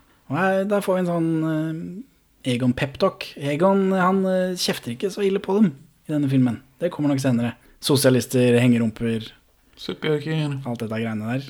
Det hører vi ikke. Han sier nei, nei, nei, han blir forbanna. Men du får ikke den- disse tiradene. Møkkatryner, alt dette greiene. Jeg, vet, jeg husker Ja, ikke hva han sier. det- begynner litt på eh, Benny og Egon, men ikke sånn Ikke sånn skikkelig. Så, men eh, løsningen er bare å bryte seg inn på den biltomta og hente den oppsatsen i bilen. Eh, Og det går sånn tålegreit. greit. Det er en bikkje der Hermansen kommer og får den bikkja etter seg. Så da løste de det lett. Og så gjemmer de den kaiseroppsatsen i barnevogna. Og stjeler bilen til Hermansen. Er det det de gjør, ja? Ja, for Hermansen kommer kjørende, finner hull i gjerdet, går inn, blir jaga vekk av bikkja. Og så er de sånn Ja, nå tar vi bare den her. For nå starter jo det som Ja, for de er jo bare småtyver, de tar ting. Ja, for det, jeg reagerte på det senere, for da kjører de av gårde, de løper I sekvensen etter dette så er de inne på Kafé Lefsa, og så kommer Hermansen med politibilen, og så går han inn der for å ta dem, og så løper de ut. Og så løper han etter, og så tar de den bilen, og så kjører de godt, så sier han 'hei, det er min bil'. Tenkte jeg, har han parkert på Lefsa, og så dratt til politistasjonen? De stjal den. Det er dette som er løsningen. For nå starter jo det som Altså, Olsenbanen Grand Theft Auto. For ille måned så mange biltyverier. Uh, ja. De stjeler jo to biler på én gang på et tidspunkt. til og med. Ja, ja de, er, eh, de er gode. Eh, Men uh, før de kommer så langt uh, Eller når de er på Kafé Lefsa, før de blir jaga Hermansen igjen, så eh, blir Aud eh, forbanna på Kjell. Valborg blir forbanna på Kjell fordi han er på horehus. Eh, det viser seg at han leser avisa i etasjen over, men hun tror vel han ligger, da. Med barnevogna på utsida, så hun tar jo da barnevogna og går. Og her får vi vite at Ulla er gravid, Benny skal bli far, som samtlige podkastere. Så da kan ikke hun bli pornostjerne. Skal du bli far på ekte, Henning? Ja. Gratulerer. Jeg sa jo det, jo. Ja, jeg fikk det med meg, men Ja, Du bare blaserte over det. Ja, jeg. Du har jo så mange barn, så det er ikke så nøye. ja, når vi kjørte hit i dag, så spurte jeg deg om hvordan det går med kona, og så sa du ingenting. Du bare lot spørsmålet passere, for du ville ha det på tape. Da skjønner jeg. Da er jeg med. Gratulerer. Har, du fått, har dere fått kjønn nå? Eh, Nei, nei, jeg tror jeg er gæren. ja. Dette er jo i langt ute på sommeren. Men du kan kjenne deg igjen i Bennys reaksjonsmønster? Eller hvordan Eh, nei, han ble vel litt mer overraska enn jeg ble, kanskje. Du taper kanskje ikke like mye penger på at uh... Jo, det gjør jeg. Om jeg taper penger på det. Kjære Hva er det? Jeg var hos doktoren i dag, og jeg er gravid, og det er din skyld, din klossmajor! Når de først kommer til Lefsa, så lener jo alle de prostituerte, eller småhorene, som filmen kaller dem en gang, eh, seg ut av vinduet og gratulerer gutta med at de har Kommet i avisa, da. Ja. De har fått det til. de, de har blitt førstesidesak. Dette ikke Dette burde kanskje være litt on the down low. Jeg vet ikke. Down. Litt av greia til Egon er at han ikke bare vil utføre kupp, men han vil også få kreditt for det. Altså, det er jo litt av problemet hans senere i, seriene, i filmserien også, hvis ikke jeg husker feil. At det er ikke bra nok å komme unna med også bli kreditert. Hvis ikke jeg husker helt feil. Ja, og så er jeg fornærma over at uh, avisen er enig i politiets analyse at dette må være en internasjonal gjeng, siden dette er gjennomført så flott. Men de, de, det blir, akkurat dette blir aldri til noe. Filmen er ganske god på give out, pay out-dynamikken, men dette gjør de ikke noe med. Nei. Men de, ikke annet enn at de etablerer karakteren til Egon som den karakteren vi følger i 14 filmer, liksom. Så det fører ikke til noe her. Men på sikt, ja. Så gjør det det. Om det var gjort med vilje, det kan jeg ikke tenke meg. Men det er tydelig at de har karakterene. Men det, de danske igjen, da, de er veldig, veldig på at de finner liksom ikke formen før i film nummer tre. Så disse to som kommer nå, er litt sånn Jeg fikk inntrykk av at det skulle liksom henge og slenge litt, men det gjør jo ikke det egentlig. Det er Olsmann-filmer allikevel, selv om de har en litt annen tone Jeg vet ikke om tonen hans heller, det er mer porno, bare. Det er det. Det er pupp og porno, og de har liksom ikke helt fått ting inn. Jeg mistenker at dette var veldig i vinden i Danmark, pupp og porno. Sånn er det bestandig. De regner bare med utlendinger. Svensker og dansker og sånn. Men ja, for gutta er på rømmen fra Hermansen, og de har kommet frem til at de skal få tak i Valborg, eller Ja, for Valborg har jo tatt den barnevogna, og hun skal da dra til mora si fordi hun skal skille seg fra Kjell eh, akkurat nå. Ja, for, og mora bor på Ringerike. Det, Ja. etablerer de tidligere i filmen, Ja, de men de tar det ikke opp igjen. Nei, men det er veldig langt til Ringerike. Og, og man må ta ferje, jeg vet Og ikke. tog, ja, det er liksom ikke måte på. taxi Hvor er de? Vær så god. Ja, Olsenbanden! Nei, det har vi ikke. Altså Bennys karakter, sånn som den etableres i den filmen her, så er han sammen med en Han er kjæreste med en prostituert, som han kjører rundt med, sånn at folk kan ligge med henne når de vil. Han, han har en sånn Fodora Uber-prostitusjonstjeneste i Ja, det, det er 1969. take-out. Jeg ser for meg at han, han har vært mye på dette bordellet, og så har han og Ulla forelsket seg i hverandre.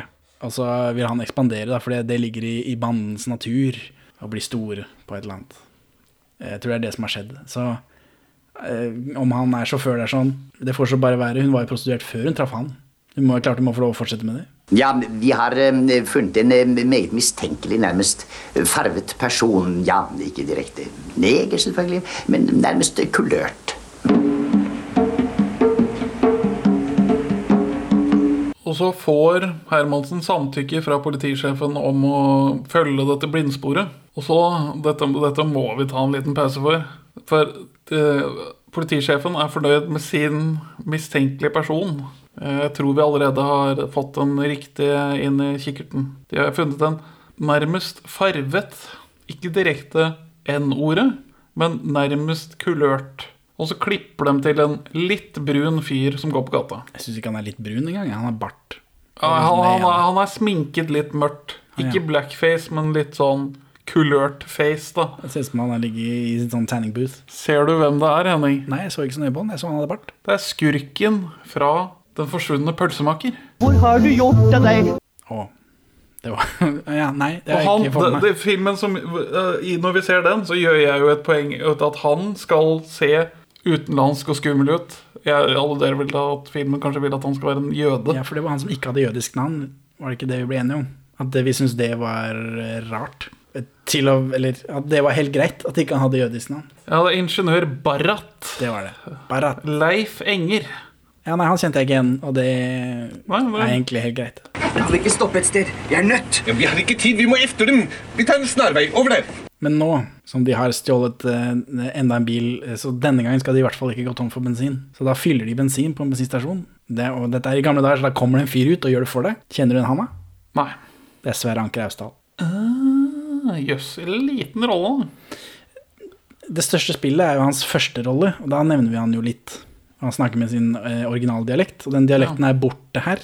Eh, og dette er hans andre film, så det er nok ikke bare derfor. Heter karakteren hans i den filmen her Drive Drive? Eh, ja, ja, det. jeg håper det. Sweetwater-referanse. Det er verdens dårligste film. Meg aldri låne penger ut.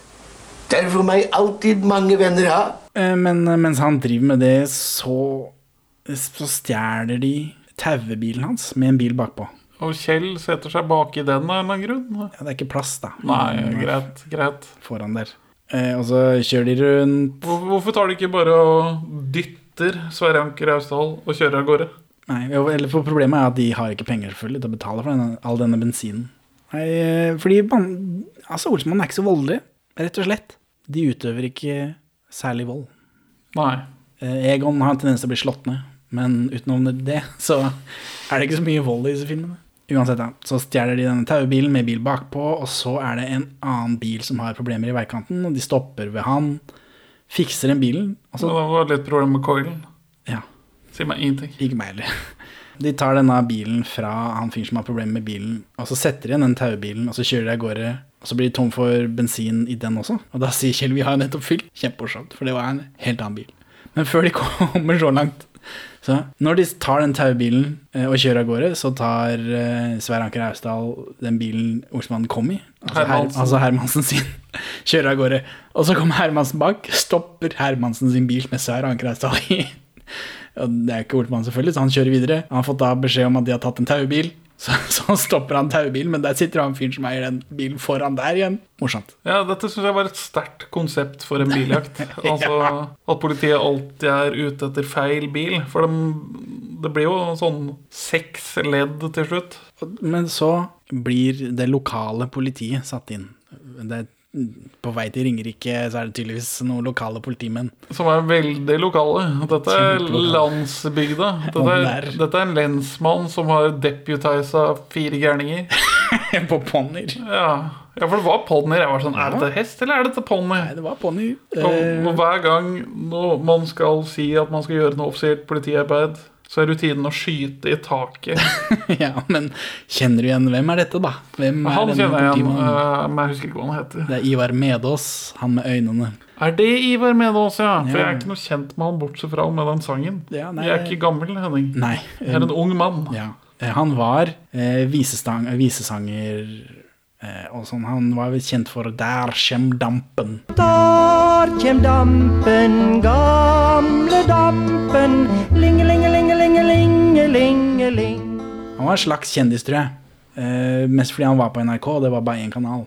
Så han, han var med på Han var, han, Jeg tror det er litt som å se Bjørn Eidsvåg i en film om 50 år. Ivar Medås virker noe mer uh... Han er jo en type, Han er en type, ja. og veldig sjeløyd. Han ser i mono, men på avstand kan han også se i stereo. Han har problemer igjen med å feste blikket. Han har Ivar Medås øyne. Eh, han har en dialekt da, som, som skiller seg ut i, dette, i disse Oslo-seriene. Ja. Oslo-filmene. Husk parolen. Skyt først, arrester de etterpå. Men så går eh, den, bilen, den siste bilen de har stjålet, eh, tom for bensin. Men da kommer de prostituerte to the rescue, for de har fulgt etter, for de skal berge dem. Det er bare én vei til Ringerike, så dette de møter på dem etter hvert. Ja, på 60-tallet så er det tydeligvis han, da. Og så er det disse politifolka på Pony. Han ene som har en replikk, han er med i flere Olsmann-filmer. Og han spiller ofte postmann i norske filmer, jeg vet ikke hvorfor, og TV-serier på barne-TV og sånn. Typecasting is a hell of a drug. Tydeligvis. Eh, Men det er en sånn låve der da, hvor disse har gått tom for bensin, og så Antar jo bare politifolk at de har gjemt seg inn i låven. Ja, og det har de jo. Men der er det jo nå masse damer i undertøy. Så disse politifolka, de dropper den jakten, for å si det sånn. Ja, for, for han med Medås han har gitt dem ordre om å skyte først, arrestere etterpå. Ja, ja. Da sier han denne politimannen hva var hun sa? Tar dem først, spør etterpå. Ja, et eller annet fælt. Ja. et eller annet fælt. eh, Men altså, de er jo et veldig- veldig umusikalsk. Men ja, de er veldig innbydende når de ligger der, disse prostituerte. Ja, Og så får vi noe, norsk folkemusikk oppå. Ja, for de ligger jo i høy, disse prostituerte. Jeg tror ikke det skal mer til. Nei, nei, men uh, dette, dette er altså, Nå har filmen vært spe spekulativt spilt på sex, men dette er liksom en slags topp For nå er det hyllest av den kvinnelige formen Kan, ja, men kan vi kalle det en payoff til disse horene? Det er det. Det, det, er, det er gitt en give-out, og vi har fått en heidundrende payoff. Men mens disse lensmannsbetjentene da, eh, driver og feirer over disse prostituerte, så eh, stikker banden ut eh, bakveien og tar, og tar denne horemobilen og kjører av gårde. Eh, men de Litt skuffende at vi ikke tar ponyene. Det hadde jo vært noe. ja, sant.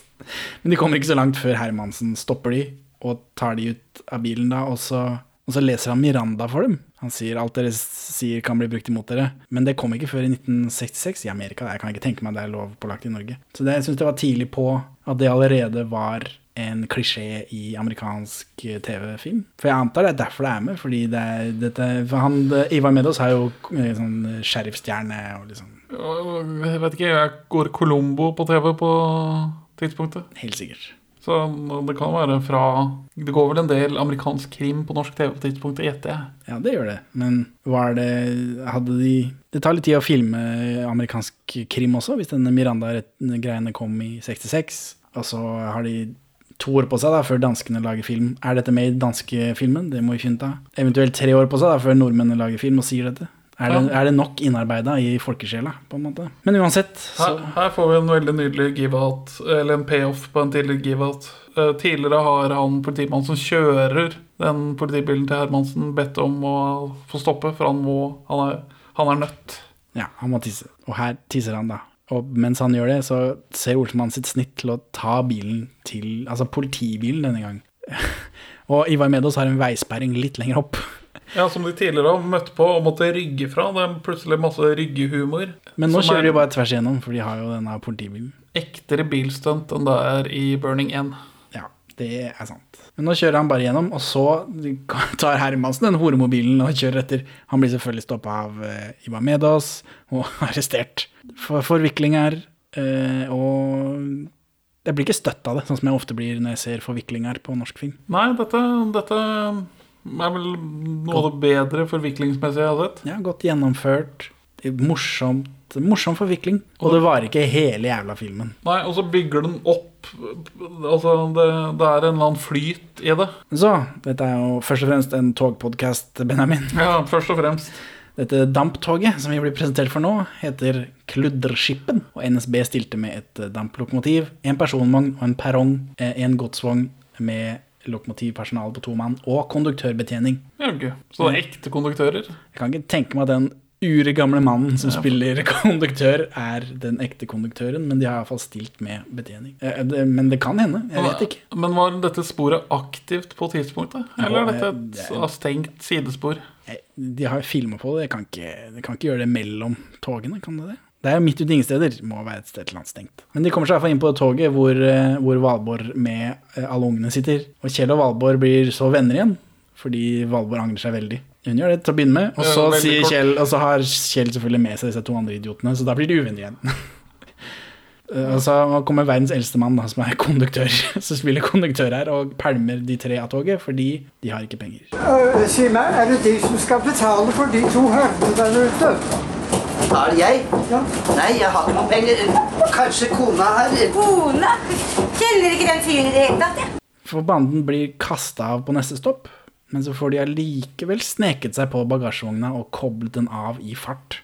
Så jeg vet ikke hva det greiene med Valborg var, men Dette kan de umulig ha stjålet fra den danske filmen. Hvordan skal en vogn kunne trille bakover i Danmark? Hei Hold kjeft! Sug! Eh, Hermansen står i telefonkiosken og rapporterer til eh, denne politisjefen sin. Og den telefonkiosken er selvfølgelig enden av det sporet. Ja, sidesporet. Altså Egon tar aktivt og får den inn på sidesporet. Ja, for Egon vil drepe Hermansen. Ja. Jeg trodde ikke disse var, var så voldelige. Nei, men eh, det er såpass passivt, så det føles ikke så voldelig. Unnskyld, Det er når jeg sitter her nå sammen med deg, så tenker jeg faen, han prøvde jo å drepe den. Ja, han vreker den bilen. Ja, og telefonkiosken. Nok et bilstunt bedre enn burning. For den vogna triller bakover mot telefonkiosken som Hans eh, Hermansen står inni, og så er det en bobla politi, Pelle politibilen bak der. Og så fikk vel Sverre Wilberg bare beskjed om å stå så lenge han turte. Ja, altså, A for effort. Ja, så han står der da, og så, snakker vi på, og så kommer den der vogna Og så løper han ut så fort han kan, og så vreker de den telefonkiosken og, og bilen. Den telefonkiosken er ikke ekte, jeg ser du tenker, Benjamin. Den er lagd av kryssfiner. Okay. Spesielt for filmen. Men eh, Hermansen overlever. Han parkurhopper over et gjerde. Så du det? Ja, det, jeg har ikke notert meg det spesifikt, men jeg, jeg, jeg noterer meg at Hermansen er The Terminator. ja, jeg også har notert akkurat det til 1000. For eh, Olsmann stjeler en lastebil med lemmen nede, og Hermansen Tom Cruise løper. Veldig, veldig langt. Veldig langt.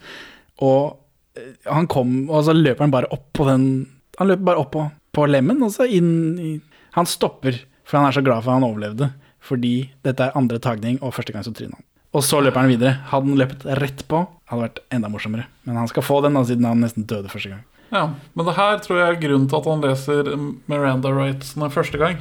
For nå er det en joke med at han skal gjøre det for Kjell som sitter bak i lasteplanet, og så klarer han det ikke fordi han er så andpusten. Det kan hende at det bare er derfor de, Å, vi må ha han til å gjøre det. Den, ja, de gjør sånn greie i USA. Vi bruker den her. Den her nå eh, eh, Kjell feiger ut. Han føler seg tatt. Han orker ikke mer. Han, han bryter sammen sånn som han pleier å gjøre.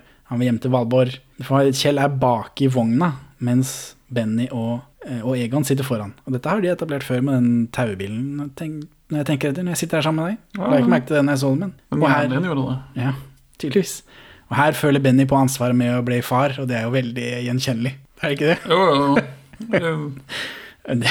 Det, er, det er et par ting man slutter med når man blir far. Som å påkaste. Dele sprøyter på gata i Oslo. Ikke podcaste. Litt pusterom må man da ha i hverdagen. Jeg vil ikke være med mer i det hele tatt. Jeg har fått annet å tenke på dette tullet her. Tull! Du burde holde kjeften på deg, din lusete amatør. Jeg skal bli pappa. Jeg har fått et ansvar. Hæ? Jeg skal bli pappa! Du er for tjukk i huet til det også. Nei, så dette er en veldig sånn far-fiksert film som passer meg dårlig nå, kjenner jeg. Eller bra, alt ettersom. Men du, du, du har tenkt å du, du, du forstår Benny. Ja, ja, jeg skjønner godt at han Du kan ikke drive og være småkjeltring nå som er han, Du får ansvar for noen andre enn deg selv. Ja, Men han setter jo en Ulla i ulykka, eller er han som allerede på skråplanet, så er ikke det noe viktig? Hun er jo ikke så glad når det skjer, så Nei, men det er mest fordi at hun taper at det ødelegger karrieren hennes. Ja, eller det ødelegger jo så, Ja, det vet jo du som har barn, det ødelegger jo livet ditt. Du må liksom legge om litt. Ja, men altså det, Og dette, når ikke det er planlagt også, så blir det i hvert fall kronglete for dem. Stakkars. Heldigvis for Benny så overlever ikke den ungen eller Ulla til neste film. Nei. Anyway, nå er det en pianochase. For denne, jeg tror den lastebilen ståler i oppoverbakke, eller noe sånt. Nei, uh, Benny og Egon krangler, så han nekter å ta rattet mer. Og så, eh, og så begynner han å trille bakover, og da trekk, eh, setter Egon på brekket. Og da triller det ut et flygel og et piano. Som Hermansen er oppi. Hermansen er oppe i piano, og Kjell sitter i flygelet. Hvordan skjedde det? Ja, Barnevogna triller ut først. Ja. Så den ble jo definitivt knust av det flygelet, hvis fysikkens lover skal Det viser seg å gå bra, heldigvis. For det flygelet det lander jo i en, hønefarm, eller hva det er. På innsiden av Et gjerde. Ikke Ja. tenk på det. Nei. Men her kommer den der pianochasen, hvor de liksom i, i god fart seiler av gårde på hvert sitt piano. Og det ser veldig bra ut. Ja. Det ser farlig ut. Veldig farlig. Og i hvert fall med feil Altså, når Kjell skal være så feig, så føles det litt som en rar kontrast at skuespilleren er veldig tøff. ja. Nå, jeg vet ikke hvor Det kan ikke ha gått så fort som det ser ut som. Ja, men det, det virker ikke som noe fartstriksing på Nei, men- For da ser bevegelsene veldig unaturlige ut. jo, men noe triksing får man gjort uansett. Men ikke sette opp filmen, nei. Spole opp filmen. De spolte opp filmen litt når Hermansen Terminator løp, da. Ja, det er sant. Men ikke sånn. Men ikke nok at ikke det så farlig ut. Nei. altså, men eh, Hermansen krasjer, og jeg tror han besvimer inn i piano i en telefonstolpe. Og så møter vi bare Egon, Benny og Kjell litt lenger nede der hvor det eh, flygelet hans har krasja i denne farmen. eh, Masse høns og greier. Og de har den eh, barnevogna, og Egon holder en peptalk. Og det virker som det er bra nok til at alle kommer sammen. Og først da ser de at den der Kaiser-oppsatsen ikke er i barnevogna. Og da blir Egon forbanna, og så tar han en lastebil og så drar han til ferja, hvor da Valborg skal være på. Som Valborg skal være på. Så prøver han å selge lastebilen for fem kroner. Ja, for han trenger billett da, til en ferje for å komme på ferja. Men Hermansen blir arrestert igjen av Ivar Medås.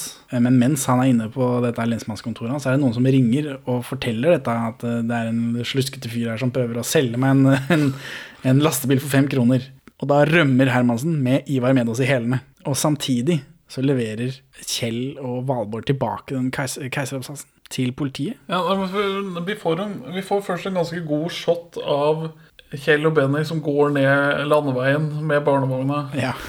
Og så, og så kommer Valborg Nei, først kommer Ulla og henter Benny. Ha. Og det var bare sånn eh, i den bitte, bitte lille bilen, så er det ikke plass til Kjell. Og så, ja, og så, og så er det Kjell som går alene. Og da, etter at familien Valborg kom til ferja, så har de ombestemt seg og bestemt seg for å dra og hente Kjell. De har ikke noe, Hva er motivasjonen der? Ja, det er for å, å binde opp filmen, da. De savner den, da. Ja, Det er jo en kjernefamilie, dette. Hvorfor drar Birger og leverer det tilbake i oppsatsen? Det virker Er som det er i håp om å få noe finnerlønn, liksom. Og kvitte seg med dette, så de slipper å gå i fengsel, og hva faen. Jeg vil gjerne ha en kvittering. tilfelle det blir noe finnerlønn. Så den keiseroppsatsen går jo da tilbake til politiet, så da er den tråden løst opp. Eh, mens Egon står på ferja, og Hermansen kommer i full fart i den fine bilen sin. Og så kjører han bare kjører gjennom ferja og ut på andre enden, andre enden av båten, og ha, havner i Mjøsa. Ja, dette er ikke Ringerike. Nei, dette er Mjøsa. Ja.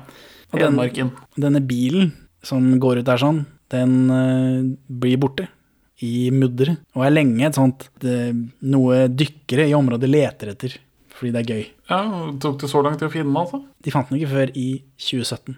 Nei. Da på 70 meters dyp. Og One Knut- take. One take, ja. Og Knut Bovin klager over at de, de satte en dokke i den bilen med dressen til Hermansen, og den var en veldig dyr dress. Og det ser vi jo ikke i det hele tatt. Nei. Så det, han, han klager over det da i etterkant. Men eh, de finner han altså igjen. Og det, men det mangler bilskilt alt, så det er noen som har vært der allerede. Kan ha falt av i I årenes løp. Ja. Hvis de ikke kan betale, så får de gå av på neste stasjon. Egon blir bare arrestert, tydeligvis off cam, fordi den bilen går i Mjøsa. Og de bruker ikke, de veler ikke på det. Den kjører bare over ferja, plopp, ned i vannet, ferdig. Boom, hardt klipp til Egon som kommer ut av fengsel igjen. Ja, For nå skal alle trådene nøstes opp. eh, Igjen? Ja, men veldig fort og gærent, da. Ja. Det bruker ikke så lang tid på det. Det er effektivt. I det minste. Mens som sagt med, disse, med de danske, hver film er den siste. At de vil løse denne filmen på denne måten, det er greit på en måte. Men hvis de hadde visst at det var i en serie Eller de trenger ikke å vite at det er en serie heller. Det, jo, nei, de må ha med de ungene, og at alle har, liksom, har fått barn og er lykkelige. Jeg tror det er det. Ja, det, Men det føles som de legger opp til at det kan komme mer her. Dette er jo ikke Nei, det, For meg så føles det som dette er slutten, men de lever og fortsetter med det de gjør allikevel. Ja, Det er jo filmen. å åpne opp for at det kommer noe mer. Eller i hvert fall kan komme noe mer. Kanskje. Det er ikke sånn at uh, Ivar Medås setter hagla i kjeften på Egon og blåser huet av. Nei, det er det ikke. Men altså, den biten som kommer nå, er 100 unødvendig. Merka jeg at dette her har jeg ikke Men jeg har Det føltes ikke ut som jeg hadde sett det før. Nei, men jeg har jo funnet en forklaring på dette. Ja, Men skal vi fortelle hva som kommer? Eller skal du Ja, forklare? Fortell hva som kommer, da. Etter at den bilen treffer vannet, så får vi et eh, beinhardt klipp til Egon som kommer ut av fengsel igjen. Nå har Benny fått en unge. Den eh, minste ungen til Kjell er litt større. Basse er samme størrelse av en eller annen grunn. Whatever. Og så klipper vi til at Olsmannen de synger og selger bananer utenfor bykassa. Ja. Og så Hermansen, som i løpet av den forrige greiene har blitt demontert til gatepoliti, eh, kommer. Og så jager han dem med pinnen sin. 'Nå skal jeg ta dere igjen', for det er tydeligvis ikke lov å synge og selge bananer utenfor Ja, det, man må fått tillatelse fra politiet, i hvert fall. Ja, det kan hende at du, det er sånn løyve, som med taxier. Eh, og så, men fordi, men de skal eh, disrupt bananbusinessen Ja. i, i verden. Men, så de har den tralla. Men, så da løper Olsmannen av gårde med den tralla, og så kommer, løper eh, han Hermansen etter. Og så sklir han på bananskall. Freeze frame på han som detter. Film slutt. Altså ikke noe rulletekst, bare den der eh, fæle Egil Monn Iversen-låta. Men dette er jo en av fordelene filmen nyter av å ikke være en del av The Screen Actors Guild. De kan, de kan starte in medias res uten at rulleteksten går først. Ja, De har rulleteksten før i filmen, da, men de har ikke noe rulletekst etter. Nei, men altså, det er ikke så mange som skal til for å lage en norsk film på en måned i 1969. Tydeligvis ikke. Men hva var poenget med dette, sa du? Du hadde et eller annet du skulle si? Den sangen de synger, har du hørt den før? Det kommer en båt med bananer eller noe sånt? Ja, når det kommer en båt med bananer, Da blir det sommer og solskinn på ny. Ja, denne kommer en før etter haver. Banansangen er Arve Oppsals nasjonale gjennombrudd. Det er det som gjør ordet Arve Oppsal til vår Arve Oppsal. Og det er en sang om frigjøringen av Norge. Og symbolet at det kommer en båt med bananer, er, er at Norge er fritt igjen. Så det handler om hvor lykkelig man blir av noe lite som å få banan. Da blir det veldig spennende å se om det er med den danske. Det tror jeg ikke. Men han sklir, Hermansen sklir på bananskall. Det føles jo veldig ut som noe de har skrevet i manus. Men det finner vi ut av hvert øyeblikk. Jeg tror jeg leste at uh, den uh, Shellac-platen ble solgt i 150 000 kopier eller noe i 1945. Ja, altså, altså den låta til Arve Oppsal. Ja. ja, ja. Så Jeg bare ser ikke for meg hvorfor skal de ha en original idé når de får et manus fra Danmark. Nei, nei, det er bare dette, dette er Arve Oppsal kjent for. Vi må huske på at vi hadde en skikkelig kjendis med den filmen her. For det er Arve Oppsal er superkjendis. Han er som sagt hovedrollen i Operasjon Løvsprett. Norges mest uh, sette film. Norges Tom Cruise. Så, nå som vi er på slutten her, hva tror vi er tatt fra den danske? Hva er det vi skal se på?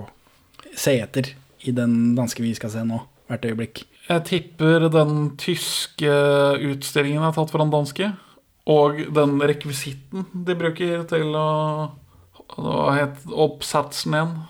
Keiseroppsats. Keiseroppsats. Nå har jeg lest en del, så jeg vet mye om hva som Plottmessig, hva som er med i hver film. Men jeg lurer på det, det røret. Sprengte røret. Veldig interessant.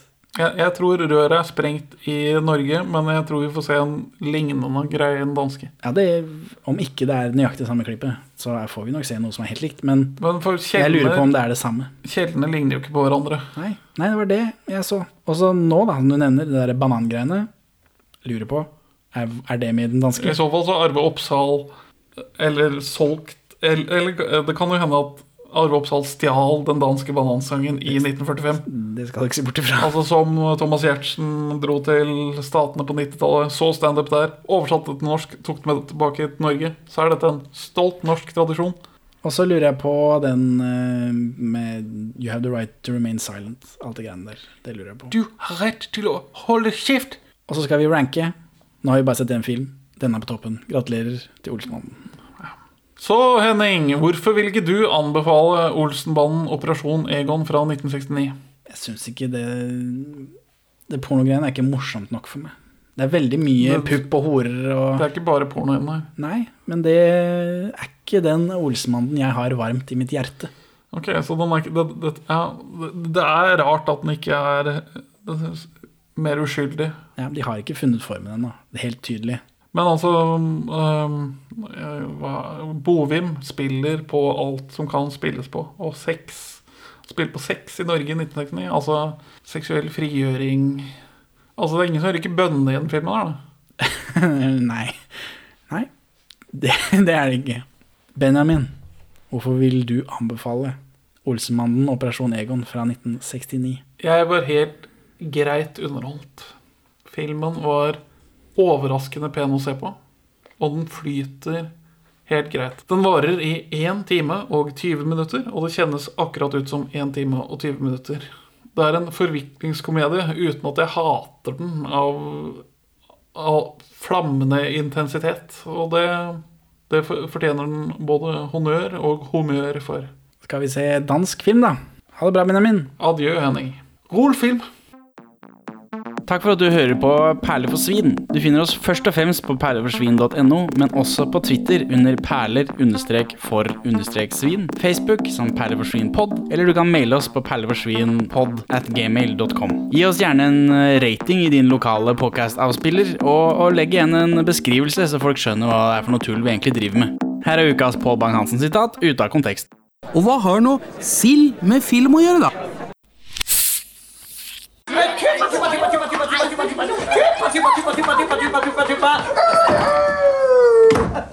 Og så er det små, små egontringer og små benintringer. Det er små kjeltringer, små benintringer, små egontringer. Ja, ja, vi får se om jeg orker å spare den til halen. ja, vi får se, da.